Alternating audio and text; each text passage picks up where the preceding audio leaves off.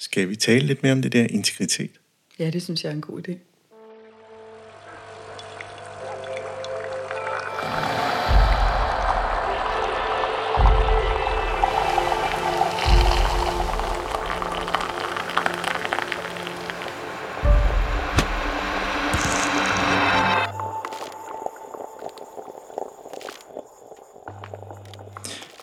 Velkommen til podcastprogrammet Kaffe og Ledelse. Mit navn er Ejhan Gomes, stifter af Mindcloud og vil være jeres podcastvært. Hvis man søger lidt viden om integritet i ledelse, finder man flere artikler, hvorfor det er vigtigt. Her er nogle nedslag. Integritet er fundamentalt for at skabe tillid, troværdighed og respekt blandt medarbejdere og andre interessenter. Det er en nøglefaktor, der definerer en leder som autentisk og pålidelig. En anden ting er, at integritet handler om at handle i overensstemmelse med ens værdier, etik og moral, selv når det er svært og upopulært. En leder med integritet øh, står fast ved sine principper, selv når der er pres for at bøje regler eller tage genveje. Og sidst og ikke mindst, så er integritet måske en af de mest værdifulde egenskaber, en leder kan besidde, og en kilde til at styrke inspiration for hele organisationen. Ja, det skaber jo en positiv arbejdsplads, hvor medarbejdere føler sig trygge og motiveret til at yde deres bedste. Det lyder jo rigtig godt alt sammen. Integritet er jo ikke en statisk størrelse, men en dynamisk egenskab, der kan udvikles og forstærkes over tid. Men hvad sker der, når en organisation gentager de samme mønstre, der skaber de samme problemstillinger? Nogle gange kan gentagende mønstre og fastlåst tænkning føre til akkumulerende kompleksiteter, der bliver svære at rette op på igen. Det kan føre til, at oplevelsen af integritet i organisationen lider et slag, da ledelsen fortsætter med at bruge de samme værktøjer og tilgang uden at lytte til nye perspektiver eller tage tidligere erfaringer til efterretning. Men integritet kan også lide et slag, når topledelsen ikke tjener de samme interesser som organisationen som helhed, men i stedet prioriterer personlige eller snævre interesser. Dette kan underminere tilliden og respekten for ledelsen, og derved skabe en følelse af manglende integritet i beslutningerne, og måske også til lederstilen. Min gæst er Helle Wagner Gelert, der har været direktør for økonomi og stabsområder i flere kommuner, senest i Sorø Kommune. Velkommen til. Tak skal du have. Ja, det var jo den her indledning omkring integritet, og det er jo sådan et svært emne, fordi det, bliver også, det kan også blive sådan ret abstrakt at tale om. Men inden vi sådan slå os helt løs, så skal vi jo lige sådan øh, definere kraften og rummet og sådan noget. Og du har jo taget turen til Stævns. Ja. Og da jeg kom til Strøby så fik jeg sådan en øh, genklang af, at jeg har kørt tøserunden nogle gange for mange år siden. Øh, og det var tilbage, mens jeg arbejdede i Gladsaxe Kommune, og det var hyggeligt. Øh, og der var sådan lidt feriestemning at køre der langs vandet. Så det har været en dejlig tur hertil. Ja, det er, det er skønt. Og vejret er også sådan okay. Ja. Sådan, hvad man nu kan forvente af den danske sommer. Mm. Og jeg har jo sådan låst dig ind i hjørnet på sofaen her hos mig, og øh, med kaffe og vand. Og kaffen, den er jo den, den, den standard, som jeg altid plejer at have, som er blevet min yndlings. Øh, sådan en lige sådan en snært til det stærke, men ikke for meget. Mm. Jeg håber, den passer dig. Den passer meget fint. Ja. Og så har du fået vores øh, leftover chokolade. Du kan jo selv regne ud, hvorfor nogle af dem, der ikke er et hit. der er mange Marsbar. ja. Så øh, ja. Vi, øh, jeg tænker også lige sådan en, en ting i den her, det er jo, at, at øh, bevæge sig ind i det, som vi ikke rigtig får snakket om. Altså, det er jo også det, der er, sådan, er essensen i sæson 3, er at øh, prøve, prøve at stoppe os selv i de sædvanlige samtale kædekadencer. Altså, hvor sådan sige, oh, det, det, det, det, vi har vi jo rørt ved så meget. Hvad er det, vi ikke får snakket om? Og det, det vil jeg i hvert fald gøre mig umage med at, at bevæge mig ind i i forhold til begrebet integritet. Mm. Men inden vi går i gang med det, så skal vi lige skåle med noget kaffe. Mm? Mm. Ja, skål. Skål.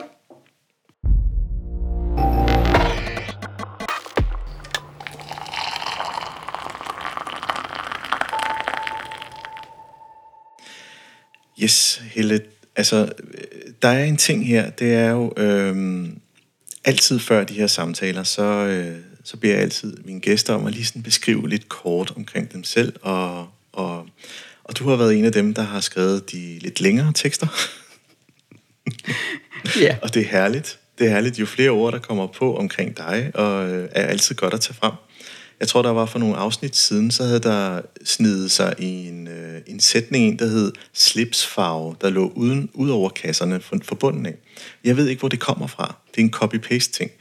Men der var jo så, øh, hvad hedder han, Jakob fra Forsvarsakademiet, der, der tænkte, Nå, men det vil han jo gerne vide. Så, så skrev han Bordeaux-rød. og faktisk havde han en anekdote omkring en fest i Frankrig om det også. Og ja, der gik faktisk rigtig mange afsnit, før jeg fangede, det er faktisk en fejl, jeg selv havde, altså, og, og det, det skabte, den tilfældighed skabte faktisk et, et samtaleemne, hvilket er lidt interessant. Mm. Øhm, når man læser det her, så den første tanke, jeg får hele, det er sådan, når, når du har siddet med økonomi i så mange år, og det du beskriver udtrykker meget i højere grad den, de, de menneskelige karakterer, så er det sådan lidt i min verden sådan to forskellige paradigmer, der har det lidt mere klasse. Jamen jeg tror, at jeg har bevæget mig øh, i min karriere. Altså jeg er jo uddannet økonom og øh, startede med at arbejde med regneark. Men på et tidspunkt så fandt jeg ud af, at det var mere interessant at arbejde med mennesker, end det var at arbejde med regneark. Og jeg har i flere af mine de seneste to jobs, har jeg fået at vide, at jeg er en meget atypisk økonomidirektør. Øh, jeg kan godt økonomien, det interesserer mig, altså det er jo vigtigt, det er fundamentet for en organisation, at man har styr på, på økonomien. Men det er medarbejderne, og det er øh, menneskene øh, i en organisation, som interesserer mig. Hvordan kan vi arbejde, hvordan kan vi arbejde i fællesskab, så vi når de mål, vi skal. Mm. Men har du ikke også oplevet, altså have den her oplevelse af, at, at det offentlige rum, med den økonomi, der er til rådighed, også over tid er blevet indsnævret så meget, så det er blevet svært at, at tage det menneskelige faktor ind altid? Øh, jo, det kan man godt, men det kommer, jeg tænker det lidt, det handler om proces. Øh, ja pengene er blevet mindre. Øh, hvis der er spareøvelser i langt de fleste kommuner, øh, og man skal kigge sin opgaveløsning efter, hvordan man kan gøre den mere effektiv, hvordan man kan understøtte borgerne bedre, samtidig med, at der er færre ressourcer. Men for mig handler det om at høre og lytte til medarbejderne. Hvad har de idéer? Hvordan tilrettelægger man sine processer, sådan så man får skabt mening i de processer, man skal i gang med. Og det gælder sådan set også øh, for, for det politiske niveau. Hvordan kan vi have nogle samtaler om, at det er det her, de her ressourcer, vi har, og hvad er det så, vi prioriterer? Øh, jeg talte med en tidligere kommunaldirektør, øh, og vi talte lidt om det der, hvordan kunne man, kunne man overhovedet tænke og starte, hvordan vi vil lave opgaveløsningen, hvis vi starter kommune anno 2023. Hvordan skulle det så se ud? Og, og blive fri af alt det, der ligger i forvejen, det vi plejer. Øh, det er nok lidt en utopi, men øh, det var en sjov tanke at, at arbejde med. Mm. Prøv at folde det lidt mere ud. Øh, jamen, vi har tendens til at gøre de samme ting. Altså, hvad er det, vi kan skære på? Så kan vi skære lidt på, typisk øh, går man jo ind og skærer på, på det tekniske område. Kultur er også noget, man kan lidt skære på. Så vi, vi tager de samme værktøjer op af kassen, når vi skal, når vi skal i gang med de her sparerunder. Hvis nu vi tænker på, hvordan vil vi have en folkeskole skulle se ud? Hvad skulle den kunne? Hvad er det, der er vigtigt for, for politikerne? Så man på en eller anden måde kunne tænke det forfra. Og det er, jo, det er jo sådan en af de her, kan man sige, påstande, øh, jeg har til det her tema, det er jo, at når man hele tiden tager de samme værktøjer frem for værktøjskassen i ledelsesrummet, så vil det over tid have et, et, godt, et godt slag mod integritet, oplevelsen af, hvordan man styrer, kan man sige, det store skib. Og det er jo, det er jo klart en påstand, jeg, jeg kommer med her. Øh, men er det noget, som du sådan kan genkende, hvis vi nu skal prøve at sætte det op til det tema, vi skal tale mm. om? Det? Øh, der tror jeg, det handler om, hvad det er for, hvordan det er, vi taler om det. Ja. Øh, fordi hvis vi siger, det er det, vi gør, at nu tager vi den samme, nu kigger vi ned igennem, vi tager de samme forslag frem, som vi har set før, som øh, vi kigger igen på, kan vi gøre tingene hurtigere, hvad kan vi skære væk, så tror jeg sådan set ikke, at det gør noget ved integriteten. Men hvis vi siger, at det er noget andet, vi vil, at vi vil lave en anden proces. Vi vil se det på, vi vil arbejde på en anden måde. Vi vil øh, vende tingene på hovedet. Og så vi falder ned i kassen, hvor vi kun bruger hammeren igen. Så gør det noget ved integriteten. Mm. Ja, ja, der er sådan en... Øh, altså, hvis, hvis vi sådan skulle folde det her begreb integritet ud, øh, hvordan, hvordan synes du, altså, hvad er det for nogle følgesvinde, den har? Hvis du sådan skulle prøve at folde begrebet ud. For det er jo sådan en, ellers bliver det et meget abstrakt begreb. For mig handler det meget om, øh, om værdier og etik i ledelse. Hvad er det for nogle værdier, øh, man står på som leder? Øh, og handler man også efter de værdier? Mm. Fordi det er jo noget af det, som, som medarbejderne kigger på. Det kan godt være, at vi siger de rigtige ting, men hvis vi ikke følger det op i handling, øh, så kan det sådan set være lige meget. Og så er det, man, man mister sin autenticitet, sin troværdighed. Øh, så dels det der at holde fast i de værdier, som er, er vigtige øh, i, sin, i sin ledelse, og handle derefter. Øh, så, øh, jeg er meget enig. Altså tillid, synes jeg, er en af dem, der følger meget tæt op. Autenticitet nævner du, generøsitet også. Og der er jo lige kommet en artikel omkring venlighed, skulle være en af de, øh, kan man sige, de mere intellektuelle. Øh, hvis man er meget venlig, jamen, så er det jo et udtryk for, at man har en høj intelligens, hvilket er jo super spændende forskning. Øh, men det er jo ikke en, det er jo, jeg har det sådan lidt, det er jo ikke nyt, fordi det ved vi jo godt som mennesker. Der sker jo bare noget, når vi agerer i en organisation.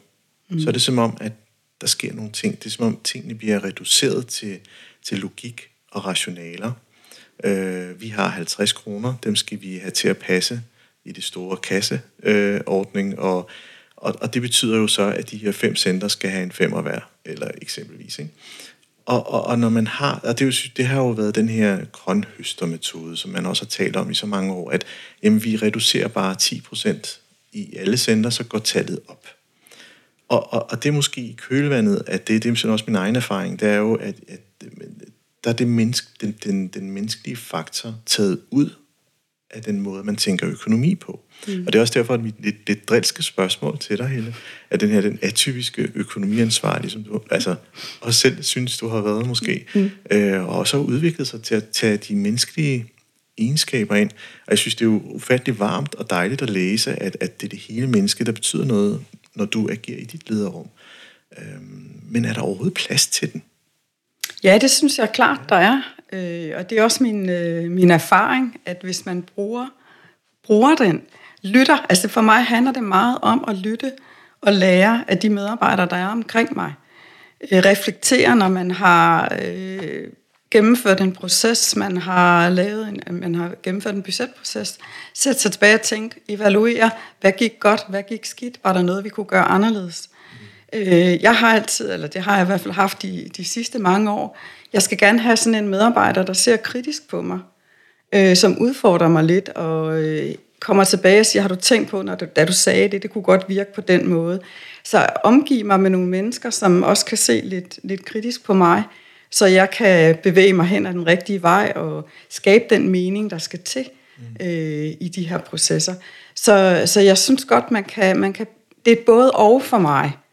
Altså det er noget af det, som, som jeg tænker ret meget over i øjeblikket, det er det der med, at vi skal både løse opgaverne, vi skal også skabe resultater, men vi skal også skabe trivsel, og vi skal lytte til medarbejderne, og vi skal skabe mening, øh, og vi skal skabe engagement. Og det er rigtig mange, vi skaller. Ja. Altså, og den, der skal gøre det, er jo stadig også selv et menneske, og har nogle andre drømme, visioner, og måske en, en, en oplevelse af det at være direktør, eller det at være centerchef. Øh, I det hele taget være i en topchef-position. Så, så, så en af de ting, jeg også tænker, det er jo, der er mange, vi skaller på lederens skulder. Og, og, og er det ikke ved at være et sted, hvor jeg tænker, er det ikke lidt for meget? Jo, det, det kan godt være, at det er, det er for meget. Øh, men der, der, skal man, der tænker jeg også, altså for mig handler det også om at bruge de medarbejdere, der er omkring en. Øh, jeg skal jo ikke gøre det alene. Jeg har medarbejdere, jeg har et fællesskab, jeg skal skabe et arbejdsfællesskab. Øh, så det er jo ikke, jeg står ikke alene med den her opgave. Så har jeg forhåbentlig også øh, som leder nogle kolleger, som jeg også kan bruge øh, til sparring. Øh, så det der med, at selvfølgelig kan man godt føle sig lidt ensom som leder en gang imellem, men der tror jeg, det er enormt vigtigt at få skabt nogle lederfællesskaber, hvor man er åben og ærlig om de ting, der bøvler, øh, det man synes er svært, der hvor man har succes. Ja. Øh, altså, så man har nogen at dele det med. Øh, man er ikke den ensomme ulv.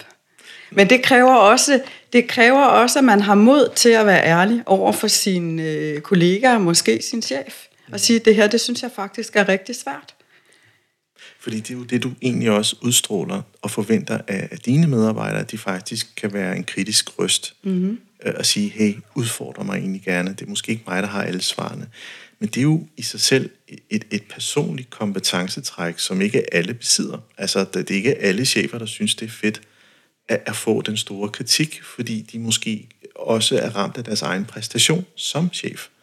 Øh, og, den vekselvirkning, der er der, det er jo med, hvornår er det, jeg inddrager sådan grad, at jeg bliver oplevet som en svag leder. Øh, og hvornår er det, jeg skal vise styrke. Det er, jo, det er jo ting, der foregår intrapsykisk i hvert menneske i forhold til det, de skal præstere. Så, så, så det, det synes jeg er jo at, at et overskud, og det er måske for mig også en indikation af, at det her indre kompas er sådan ret i balance. Øh, men når man er på vi skal opgaver hele tiden over tid, så tror jeg bare, at det akkumulerer til en tilstand, hvor man ikke er i stand til at, at udvise det her mere. Fordi vi er jo mennesker, vi har også en tank, der skal fyldes op, mm. og hvis mhm. ikke den gør det, så bliver man måske rigid til sidst. Ja, det er der i hvert fald en risiko for, ja. øh, at, at det bliver for meget. Altså der synes jeg også, det er rigtig vigtigt at, øh, at tale om, at lederne også skal trives. Der skal også skabes bedre balance i et lederliv. Øh, der ligger rigtig mange, som du også lige nævnte, det her med skal, skal, skal. Øh, så hvordan kan vi skabe balance i det? Øh, og hvordan kan, kan vi arbejde med, at en leder trives? Fordi hvis en leder ikke trives, så smitter det af ja. på medarbejderne. Så det skal vi også kunne tale om. Og det kan også være en af de ting, der, der er svære at tale om i en ledergruppe, eller i en direktion, eller hvor det er, man sidder. At man faktisk ikke har det her særlig godt, og man synes, det er svært. Ja, og det er legitimt at sige det sådan. Og ja. det er ikke ens betydende, at man ikke er dygtig nok til sit arbejde. Tværtimod for mig. Præcis, ja. Altså, jeg synes egentlig, det der med, at du også du nævnte det her med, at så bliver man set på som svag. Øh, jeg, min erfaring er, at man bliver set på som stærk, at man rent faktisk tør at sige, det her synes jeg er svært, her begik jeg en fejl, det her vil jeg gerne, vi er nødt til at starte forfra. Den der proces, den, den gik af sporet. Mm. Øh, jeg, jeg fik ikke gjort det rigtige, så nu starter vi på en anden måde. Yeah. Øhm, og det er nogle erfaringer, jeg har gjort mig. Nu har jeg også været i, i ledelse i mange år, men, men jeg har fra, fra, fra mit første chefjob, hvor jeg skulle fusionere øh, tre afdelinger, og jeg kom ind som ny chef og tænkte, at det er mig, der har svarene, det er mig, der skal køre den her proces igennem, og medarbejderne de sagde nej til, det ville de ikke være med til. Mm. Det var hårdt, men øh, da, da jeg fik talt med, med dem, øh, hvad er det, I har brug for, hvad er det, vi skal i gang med, jamen så, så, så arbejdede vi med en arbejdsgruppe af medarbejdere, som var med til at definere, hvordan skal den her proces være, vores fusionsproces, hvad er vigtigt for os. Øh, så det var også en, en øh, der var også nogle frustrationer i den medarbejdergruppe. De var slået sammen, tre centre til et center. Der kom en ny chef. Der var et oplevelse af tab øh, i forhold til den gamle organisation. Mm. Der var nogle, også den der oplevelse af, at det ikke er godt nok, det vi har arbejdet med tidligere, den måde, vi har gjort tingene på. Nu kommer der en ny og siger, nu skal vi arbejde på en helt anden måde. Hvorfor skal vi det?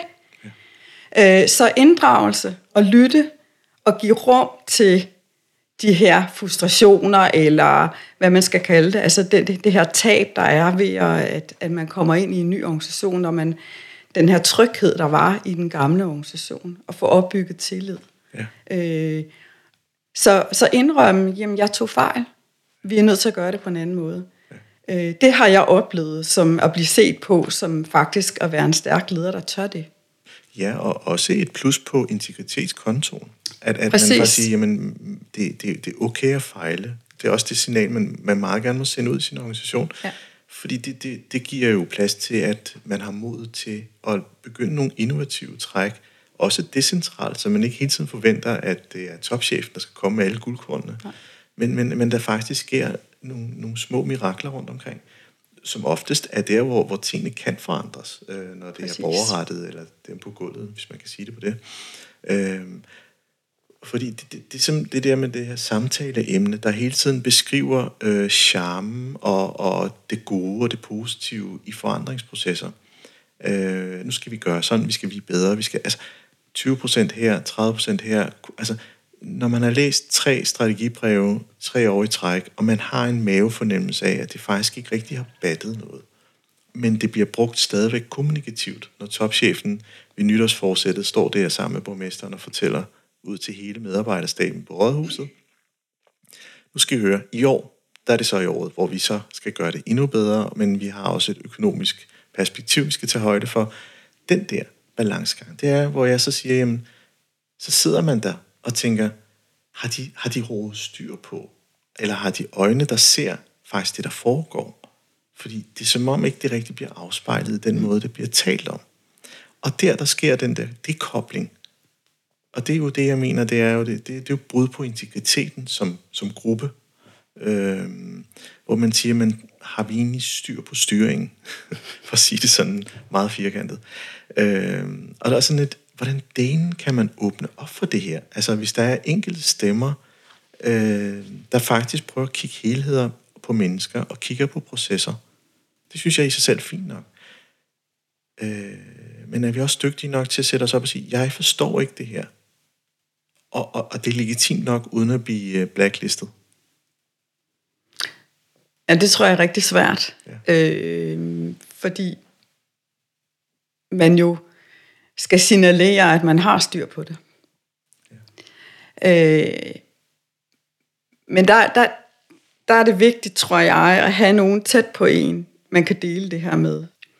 I forhold til strategiprocesser, der har jeg oplevet det der, når man inddrager sine medarbejdere, så implementerer man faktisk, mens man laver strategien. Ja. Øh, så det bliver ikke et glitret stykke papir, som en øh, topchef ved festlige lejligheder tager op, og man sidder ikke i en direktion og tænker, hvorfor gør de ikke, som der står på papiret.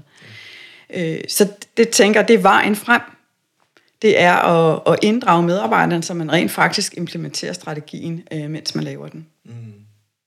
Det er lidt interessant, for det, det åbner lidt op for nogle helt masse nye perspektiver, i hvert fald i mit hoved. Men inden vi går videre, skal vi ikke lige, øh, skal vi ikke lige drikke noget mere kaffe?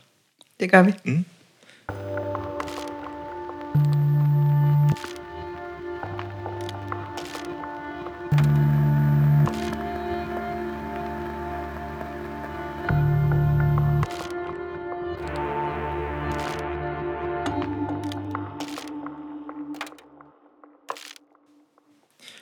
Synes, det er et, øh, et meget spændende, spændende emne. Og det er sådan et, vi begge to måske søger nogle yderpunkter i vores måde at tale sammen på, så vi, øh, vi begge to skal nok hjælpe hinanden med lige sådan at, at ankre det tilbage til integritetsbegrebet. Men, men det er også meget sundt at stikke lidt af. Altså, der er jo, der er jo mange veje til Rom, og det kan godt være lige nu, der, der er havnet et eller andet sted i Prag eller noget, så må vi sådan dirigere vejen tilbage. Det tænker det går nok. Øhm, der, der var en YouTube-video, jeg så her forleden dag omkring integritet, hvor, hvor øh, jeg tror, det var et stykke stof, hvor, øh, hvor mesteren sagde til lærlingen, prøv at se, om du kan, du kan vride det her i stykker, eller, eller sådan med, med hænderne, ikke? Øhm, det kunne han ikke. Øh, så tog han en saks og gav et lille hak i stoffets kant. Så prøv nu, og så var det meget nemmere. Og det er metaforen for integritet. Når den først har fået et slag, jamen så er det den dejlige vej ned ad bakke. Øh, og det kan man jo sådan dejligt overføre til, til tillid mellem mennesker, man, man stoler på. At, at når man har fanget med noget ugerning, det kan være en løgn eller andet, jamen så er det som om, at hele den her personlige integritet også kollapser. Øh, altså det er den mest sådan, den åbenlyse version af den, sådan meget metaforisk sagt. Det jeg måske sådan hele tiden skubber hen imod, det er, at den her akkumulerede små doser over tid, måden man håndterer på i ledelsesrummet, er også et slag på integritet, der måske gør, at man ikke ønsker at være i det job mere, eller der er, kan man sige, svært rekrutteringsbesvær, mm. og alle mulige andre følgevirkninger som gode indikatorer. Øhm, det er i hvert fald sådan mit take på det. Når jeg sådan får beskrevet det med anekdoter og farver og YouTube-videoer, hvad tænker du så, Helle? Jamen, jeg tænker jo, at, at ja, det er jo det er rigtig godt at sætte billeder på, fordi det skaber jo refleksion. Eller det, det, ja, når man får et billede, jamen, så kan man se det tydeligt for sig. Øh, og jeg tænker, altså du har helt ret i, der, det kan godt være, at man overlever øh, med sin autenticitet eller integritet med et enkelt lille klip. Øh, men hvis der bliver rigtig mange af dem, så mister man jo sin troværdighed øh, i en organisation over for, for sine medarbejdere. Øh, og der, der tror jeg bare, at hvis, hvis man bliver presset, og det kan jo også godt ske, at man som, som leder bliver presset til at gøre noget, som man egentlig ikke har lyst til at gøre, øh, og man så får det her, der kommer det lille klip, så tror jeg, det er vigtigt at, at sige, nu gik jeg, jeg, det der, det var en fejl. Øh, og simpelthen sige undskyld. Det var en fejl, jeg begik. Jeg blev, man kan måske forklare så meget, som man kan. Nogle gange kan man ikke forklare det hele, hvorfor det skete. Øh, men man kan i hvert fald sige noget, at det her, det var ikke, den, det, var ikke det, jeg gerne ville. Mm. Øh, men jeg kom til at gøre det, og det må I undskylde, og nu skal vi gøre det på en anden måde. Mm. Men så kræver det jo så også, at man er troværdig fremadrettet, og at øh, medarbejderne ser, at man gør det, man siger. Ja. Og lytter det he- altså alle de argumenter, som du også har skrevet i fakta, det med, at det hele menneske betyder noget. Ja. Og det er jo, fordi det, det er jo simpelthen, ja, øh, der er jo ikke nogen, der kan være uenige i det, når de læser det. Det er, når, når de står i suppedasen og er presset af alle mulige faktorer. Du har måske et politisk lag, der mm. egentlig ikke ønsker at ændre status quo, fordi de har borgmesterposten, og de egentlig gerne vil have fastholdt det her. Og der kan være noget strategi i forbindelse med et valg og andet. Så de udsender jo lidt både, at vi skal gøre noget for, godt for borgerne, men også samtidig med at have nogle strategiske tænkninger for, hvornår ting skal, skal tages op. Mm. Det, er jo, det er jo pressure points på en direktion. Øh, samtidig med, at de egentlig også godt kan lytte til, til, til de mennesker på gulvet, og hvilke udfordringer de står ved. Yes, så bliver det pludselig en balancegang øh, hvem er de interesser, vi skal varetage her. Og så begynder det at blive en lille smule mudret i min verden, mm. fordi så bliver det uklart, og, og evnen til at sige fra pludselig bliver meget mere relevant, at man siger nej.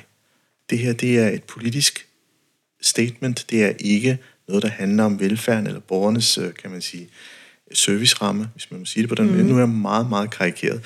Øh, øhm, men den her med den her personlige kompetence med at stille sig op, både at erkende, at man har begået en fejl, fordi det, det skal der være plads til, men også samtidig med at sige, nej, stop.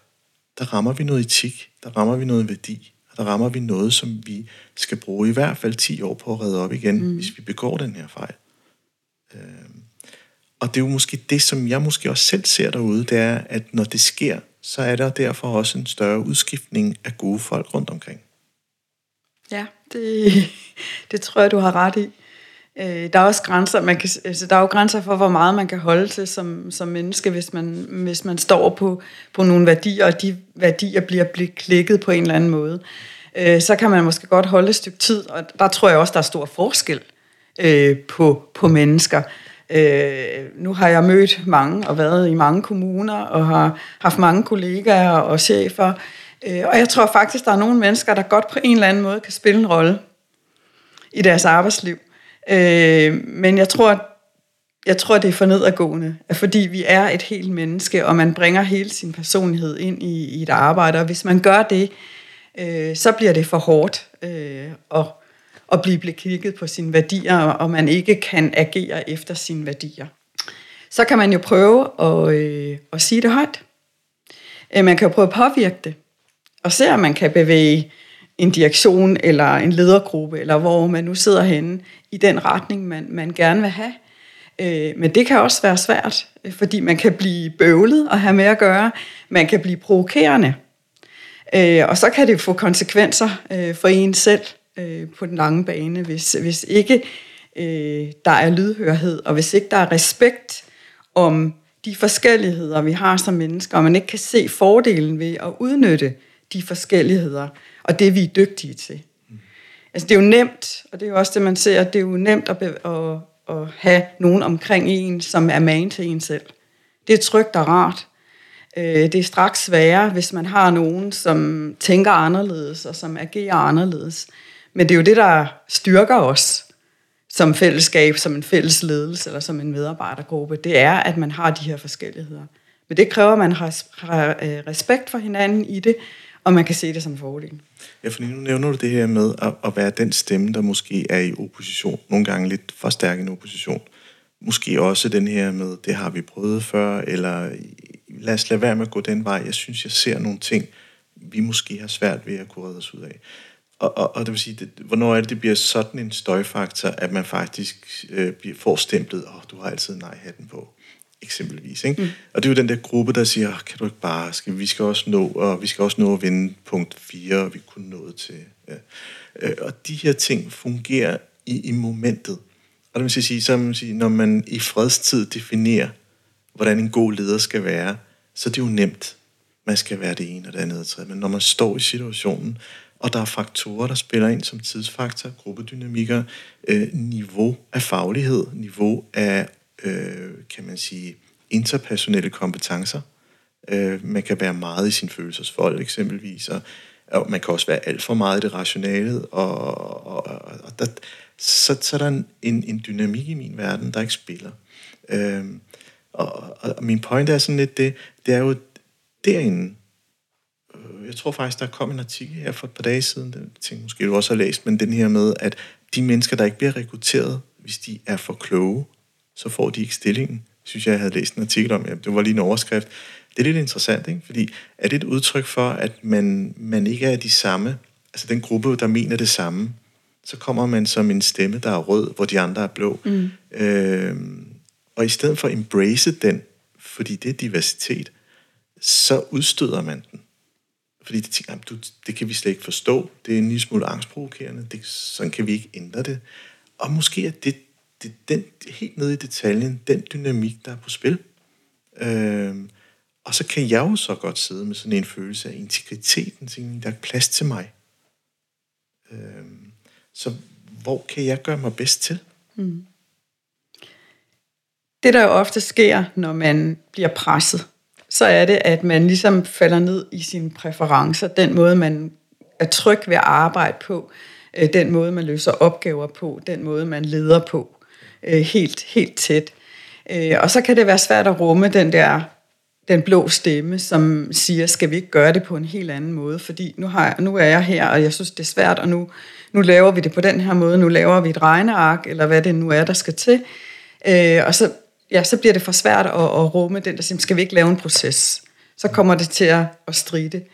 Men der, og det, det kan gå galt, hvis ikke man har en, en ledergruppe, hvor der er, er tillid, og hvor man rent faktisk kan tale om, at nu er vi her.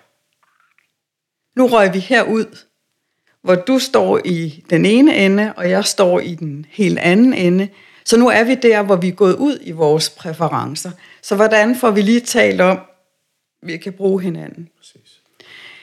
Så det er noget, det, det er noget, det jeg tror, der er vigtigt også i, i, en, i en, altså man arbejder med i en ledergruppe, det er at have den her ærlighed og tillid til hinanden, at man rent faktisk kan sige, man kan jo lave nogle regler, faktisk sige, vi ved godt, vi er forskellige, og vi ved, vi kan falde ned i de her gryder. Mm. Så så trækker vi lige kort øh, et flag, eller hvad det nu er, og siger, nu er vi her, nu bliver vi lige nødt til at tale om, at nu er vi her, og hvad gør vi?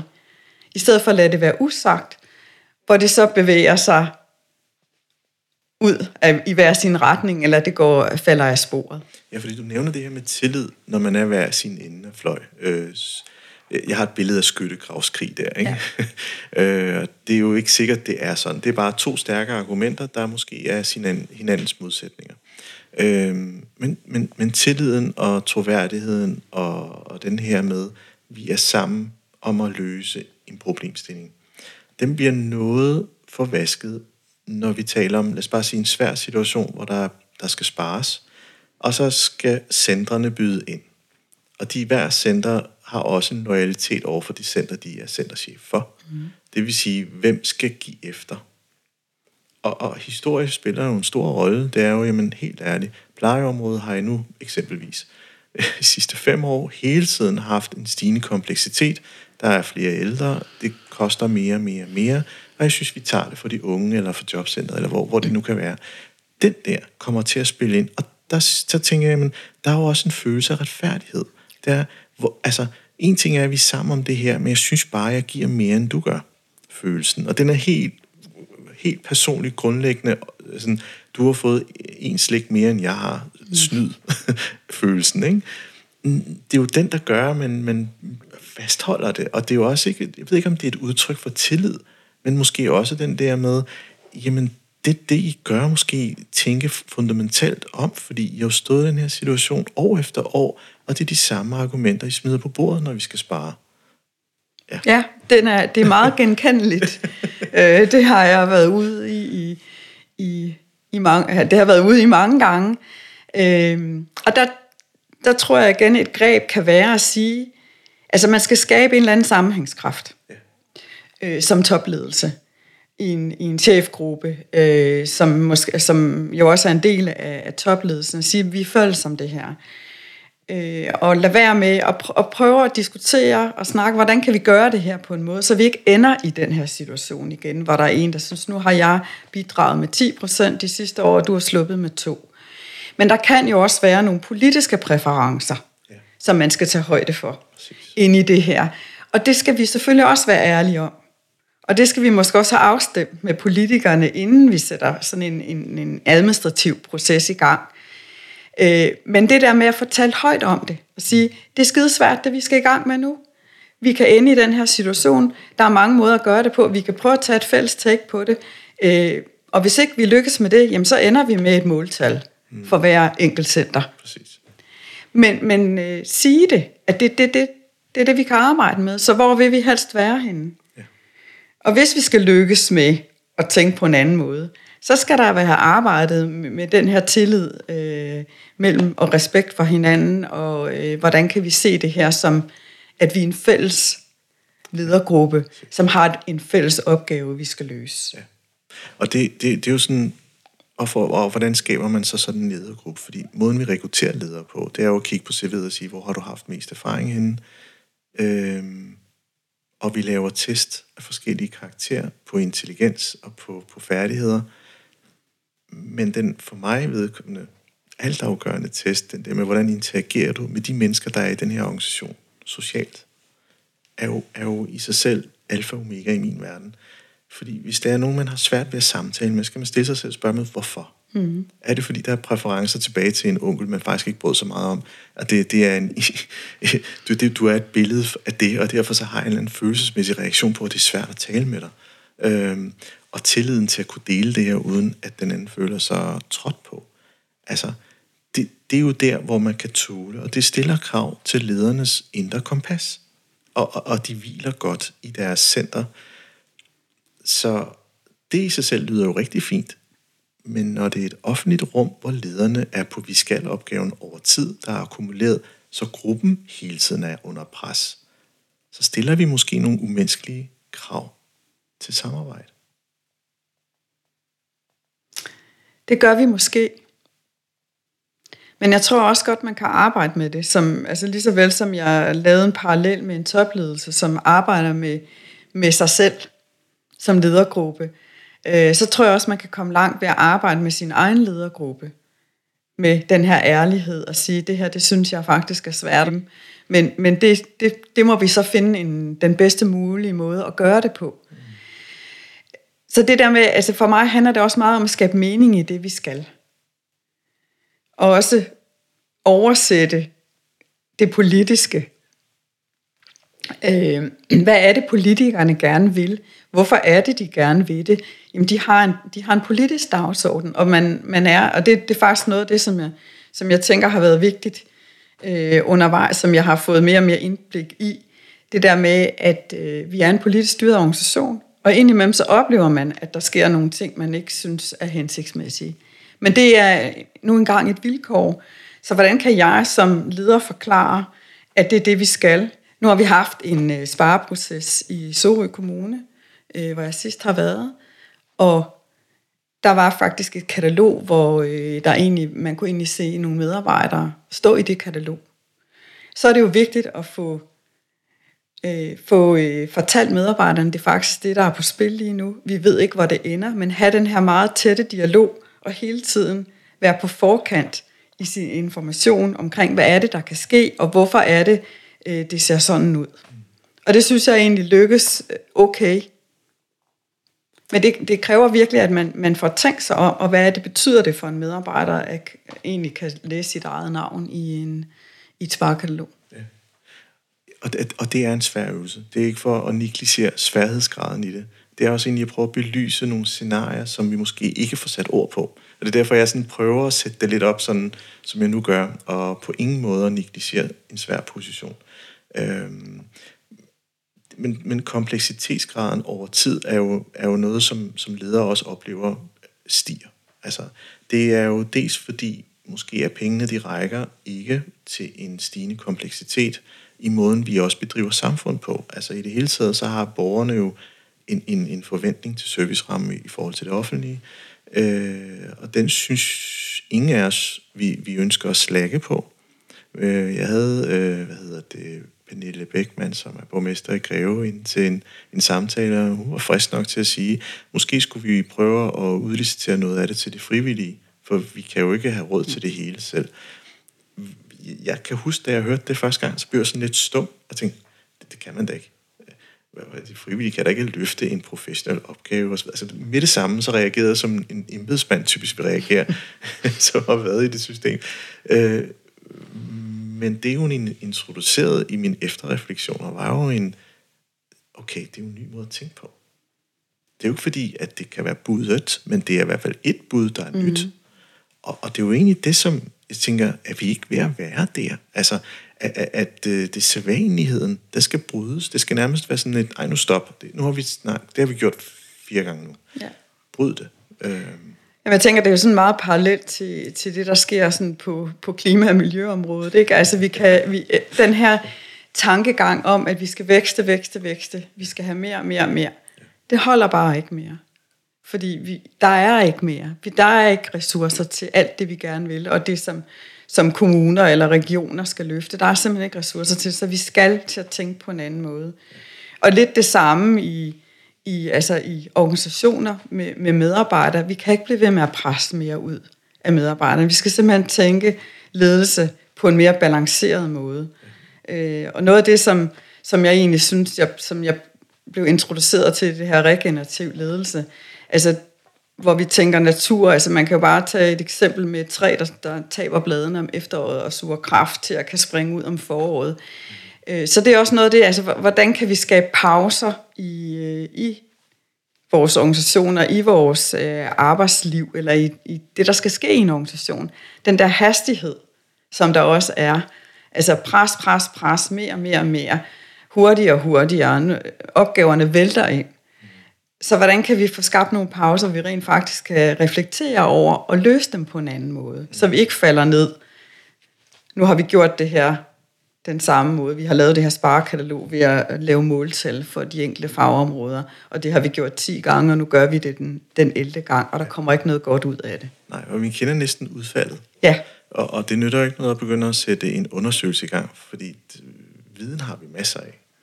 Altså, vi kender nærmest også godt... Øh, det er ligesom om, vi skal have et legitimt grundlag for at tage en beslutning, men vi kender den sådan set godt selv. Der sidder faktisk en kvalificeret ledergruppe her, der godt kan pege på det. Vi behøver ikke at sætte en undersøgelse i gang for det, for det, det, det er veje, vi er gået før. Mm. Øhm, det er fordi, jeg måske har jeg også en tendens til lige nu at stille mig på, på, på hvad hedder det, medarbejderen på gulvet, syn op til topledelsen og sige, det her sker der med gode hensigter i forsøget på at skabe den bedste ramme. Absolut. Men over tid, at det simpelthen bliver små sådan giftstoffer, der hele tiden banker på begrebet integritet – at den slår den stille og roligt stykker. Og man kan komme til at sidde i sin, i sin ekokammer og sin korridorsnakke og sige, altså, ja, nu er det jo Torbens afdeling, der skal spare, ikke? Det er jo det sædvanlige. Den retorik kommer aldrig op og bliver en stemme i, øh, i en topchefs positionering.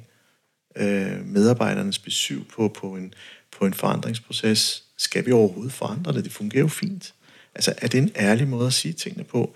Øh, meget af det, vi taler om her, det er også det med forandringsprocesser, besparelser til. Mm. Nogle gange så også bare, nej, det fungerer fint, det skal vi fastholde, det skal mm. vi ære, det skal vi faktisk være stolte af. Og det fungerer. Don't touch it. Øh, det er mennesker, der har fundet hinanden. Trivselsrapporterne er fede. Øh, der er ikke så stor en udskiftning. Nogle gange kan det også blive et problem, men, mm. men, men, men der, der er en fastholdelse, og der virker som om, at der er sådan en glæde, når man går ned på de gange der. Hvorfor begynder at anfægte noget der? der er, don't touch it. Øh, men der er så meget andet, man kan gøre. Mm. Altså min, og, og det er måske det, der er, at, at den der dimensionering i, at, at, at det er sådan en stor organisation, og meget kompleks organisation, at centerchefer oftest refererer til ufattelig mange delindsatser. Og, og, og, og, og den økonomiske samtale der handler om, hvilke center, der skal byde ind på nogle meget mere primitive argumenter. Er mit take på det. Ikke? Og derfor så, så falmer, så falmer det lidt. Ja. er, er jeg for hård? Nej, det tror jeg ikke. Nej, det synes jeg ikke. Øh, jeg er, altså jeg tænker, det der med afstand mellem en topledelse og, og medarbejderne, det er et vigtigt perspektiv at have. Som topledelse er det vigtigt at komme ud en gang imellem og tale med medarbejderne og høre, hvad det er, de er optaget af. Hvad er det, hvad er det for en hverdag? Og der kan man jo i hvert fald i, den, i en offentlig organisation, der kan man jo også bruge sin medorganisation til at høre de stemmer øh, og tage dem alvorligt. Så det er sådan et eller andet med den der afstand.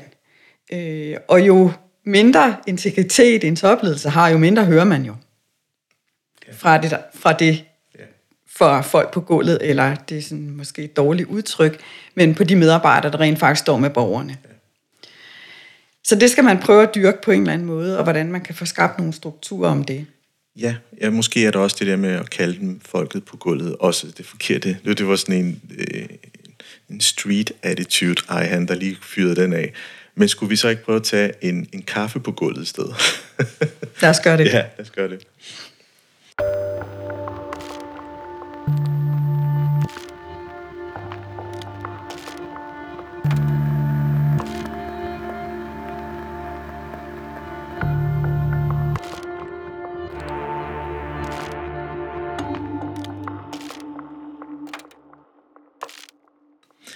Kommer virkelig rundt omkring. Og jeg, jeg må sige, i mit hoved, der sådan genbesøger det her integritet, om vi overhovedet er kommet et skridt nærmere. Det synes jeg faktisk, vi har.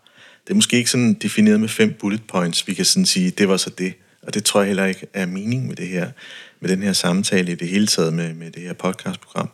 Øhm, men der er sådan den der ledelse på nye måder. Det er sådan et, øh, ja, det er sådan et dejligt ord.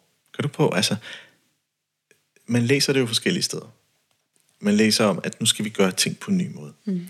Øhm, og, og nogle gange, så når vi gør tingene på en ny måde, så prøver vi at egentlig genbesøge noget, vi faktisk gjorde før i tiden, som på en eller anden måde er blevet udvisket over tid.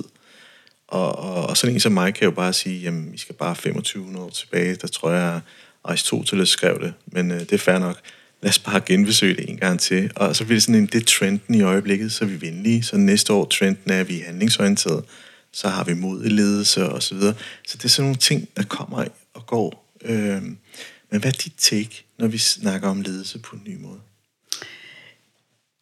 Jamen, jeg, egentlig for mig, så er det, og det er også, så er det egentlig ret banalt, øh, at det handler om, at vi ser det andet menneske som et helt menneske. Vi ser vores medarbejdere som et helt menneske med et helt liv som indimellem er udsat for noget i sit liv, som øh, er problematisk og svært. Og vi lytter, og vi lærer, og vi bliver ved med at, øh, at udvikle vores ledelse. Inddrager medarbejderne, hører til deres stemmer, så, så egentlig synes jeg, det er, er banalt, og nu kalder vi det venlighed, og nu så skal vi have mod, og så skal vi have alt muligt. Men det handler vel for mig at se dybest set om, at vi er ordentlige, og vi ser også vores medarbejdere som, som vores medmennesker. Mm. Og, og hvilke forudsætninger er det så, det stiller det personlige lederskab? For netop at have de her bedrifter udad til. Så hvad er det, det stiller krav indad til? Det stiller krav til, at man øh, har respekt for andre mennesker. At også man har tillid til, at, at det er medarbejderne, der skal løse opgaverne, de faktisk, man har ansat nogle medarbejdere, som faktisk er dygtige. Mm. Og at man giver rum til, at de medarbejdere kan få lov til at udfolde deres potentiale. Jeg var til en øh, konference, øh, Kronprins Frederik Centeret lavede i, i maj måned, øh, Øh, hvor Louise Gade, den tidligere borgmester i Aarhus, sagde, at vi skal ikke lede opgaver, vi skal lede kultur, og vi skal sørge for at skabe rum til, at vores medarbejdere kan få lov til at udfolde deres potentiale. Og det er jo egentlig ret banalt. Men det er rigtig, rigtig svært. Altså, det bliver svært, når vi så skal udføre det i praksis. Så hvordan kan man holde fast i det? Øh, hvordan kan vi hjælpe hinanden som ledere i at holde fast i det? Og der handler det altså, der handler det for mig om, om etikken i, i ledelse. At øh, jeg tror, det er noget med gavmildhed og tillid, måske også, jeg kan ikke helt huske det, øh, Aristoteles siger. Øh, og, og jeg mener egentlig også, at, at øh, Kirkegaard har sagt noget med det, at vi skal hele tiden dannes som mennesker og udvikle os som mennesker. Og det kan man jo så drage en parallel til at sige, at vi skal hele tiden dannes som ledere og være opmærksom på at udvikle os som ledere. Mm. Men også en, en færdighed med at søge den kritiske røst, synes jeg, du så ja. fint sagde tidligere. Ja, altså det der med at have nogle stemmer, der siger, hov, det der, det virkede ikke så hensigtsmæssigt, og hvis du gerne vil det her, så tror jeg, du skal gribe det an på den her måde. Præcis. Og du må sige, når man taler om integritet, så er det den, det første offer er vel integritet med sig selv. Når man først ja. har krydset nogle værdimæssige, etiske grænser med sig selv, jamen så er man jo på vildspor, før man overhovedet har haft kontakt med andre. Ja. Øh, og det er måske mere kirkegård, end det er Aristoteles, det ved jeg så ikke. Det, Nej, så, det ved jeg så, ikke. det er meget filosofisk. Ikke? Men det kan godt være, at vi skal have en lille smule filosofi ind. Ikke? Så øh, når man sidder der og, og skal løse noget, der er sindssygt svært, evnen til at stoppe op og sige, hey, lad os lige prøve at tjekke ind, om vi alle sammen har de bedste forudsætninger for at løse det, der er svært. Eller er vi super presset, fordi vi har mast det her ind i en travl hverdag, øh, budgetproces, øh, en eller anden øh, med frokost efterfølgende, og alle har super travlt med at komme hjem, og altså den der, den der, den der forhastighedsfølelse, det smitter i et rum, at der er nogen, der siger, hey, stop lige. Mm. Vi har ikke, det virker ikke som om, at rummet har forudsætningerne. Og det er intet ondt om hver især, der er bare ikke nogen rytme. Så stop. Ja. Øhm, det er det svært, det har jeg aldrig set. Øh, men det ville være vildt fedt, hvis det skete. Ja. Hvor man sådan står på, okay, vi alle sammen er på så meget overpræstation, at vi faktisk er, er kerne mere, end vi er faktisk faglighed. Øhm, og, og det er jo den rejse der, som lederne måske i sig selv skal have. At den her med at stoppe op og sige, hey, den grænse, den, den, den, den er jeg ved at krydse, fordi jeg er ude af min comfort zone så meget, så jeg, jeg, er, ikke, altså, jeg er ligesom til en dårlig jobsamtale. Altså, jeg kan godt mærke, at jeg er totalt ude, og, og så bliver det bare sådan en freudiansk slip. Blablabla. Det kører bare ud af. Og når man kommer ud, så tænker jeg, kæft, hvor var det noget højt det der. Jeg var jo stik mig selv. Ja. Øh, og spørgsmålet er om værdien af det, man får sagt der, som kommer til at have en betydning for en mega stor organisation, faktisk er værdifuldt. Det er jo interessant. Det er interessant. Det er, altså det, vi er sådan opdraget til, at der skal træffes nogle beslutninger, når vi sidder i de der sammenhænge, når vi sidder i, i en, en chefgruppe, eller øh, på, altså, så skal der træffes beslutninger, og vi skal ud, og, vi skal ud over stepperne, vi skal videre. Øh, så have sådan en stemme, jeg kan sige, jeg synes simpelthen, vi skal stoppe op her, fordi vi, det, det er en dårlig løsning, vi er i gang med, eller øh, det her, det kommer ikke til at virke, eller der er simpelthen ikke energi i det her. Og det skal næsten mere være facilitatoren for medlemmerne i den. Der skal dele med at være tillid, hvis man øh, skal ja. sige det. Ikke? Altså være den, der rækker hånden op og siger, hvad jeg stået af. Ja. Og hvis der var flere, der gjorde det, så tror jeg, at det kommunale eller det offentlige ikke havde købt så mange IT-systemer, de ikke forstod, hvad egentlig var til at starte med. At de sidder og lytter til den gode sælger, der, der fyrer den, den, den største fede sælgerplade af, og så hvis der var en, der sagde, stop, jeg forstår ikke, hvad vi køber her, mm eller om det er militæret, der skal købe noget udstyr grej, eller ja. det er DSB, der skal købe tog i, og så videre. Øhm, og, og det er måske den der kompetence, jeg et eller andet sted måske indirekte undersøger. Altså, altså er det en stemme, der skal have mere plads? Er det, er det usagt? Er det et sprog, der hurtigt kan omsættes til at sige, du, du, det er fordi, du ikke er kompetent, siden du siger stop, eller du er ikke faglig god nok til at øh, følge med her, den hviler hos dig, det er ikke os. Altså, det er jo lidt det, der er på spil. Det, det tænker jeg helt klart, det er ja. det, der er på spil. At hvis man ligesom siger, jeg er ikke med her, altså det her, det forstår jeg ikke, jamen så bliver man jo set som, som ikke øh, kompetent. Så, og, det tør, og det kan være svært. Øh, så det skal vi tale noget mere om. Jeg synes, det er en super fed pointe, det der med, at, at, simpelthen sige, det her, det, det duer ikke, vi er nødt til at stoppe nu, vi er nødt til at tænke, vi må gå fra hinanden, og så må vi vende tilbage. Altså man gør det jo i forhandlingssituationer. Ja, det gør man. Der netop. gør man det præcis, altså når man sidder i forhandlinger og siger, hvor man er nået til et eller andet, siger, nu, skal jeg, det, nu tager vi en pause, og så skal vi lige tale om det. Så det er jo ikke fremmed, Mm. heller ikke i organisationer, øh, og, og have den, at sige, nu, nu pauser vi. Det tror jeg faktisk, der kunne komme noget godt ud af, hvis man, man kunne tale om, at, at det skulle man gøre en gang imellem. Altså, jeg kan, og jeg har, altså man kan jo også opleve, at man sidder i en chefgruppe, og folk begynder at skrive mails, fordi de er stået af. Øh, det har jeg i hvert fald prøvet. Oh, ja. Og det er jo i hvert fald et symptom på, at der er noget, der er helt galt. Der skulle man nok have taget en pause for en halv time siden. Øh, sagt, øh, nu bliver vi lige nødt til at break her. Eller, det her må vi tale om på et andet tidspunkt. Fordi der er ikke energi i det. Fuldstændig. Jeg er meget enig. Og jeg tror også, det er, vi skal til at runde af, Helle, og jeg, Gud, det er som om, vi bevæger os videre til nogle, nogle lidt andre, men også interessante. Det der med, hvordan adfærd er i et rum med computeren og telefonen for den sags skyld. Åh ja, det, det, du sendte mig lige sådan en memory lane her. men Helle, jeg tænker, vi skal, vi skal runde af. Jeg synes, vi har åbnet samtalen omkring integritet, og jeg synes også, vi kom meget rundt i landskabet. Øh, tusind tak for en rigtig fed samtale. Tak i lige måde.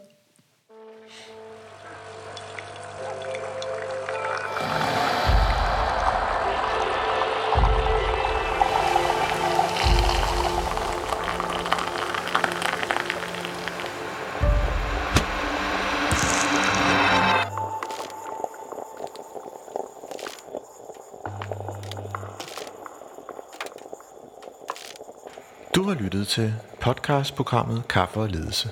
Ønsker du at lytte til flere afsnit? Gå ind på mindcloud.dk, hvor du har links til flere.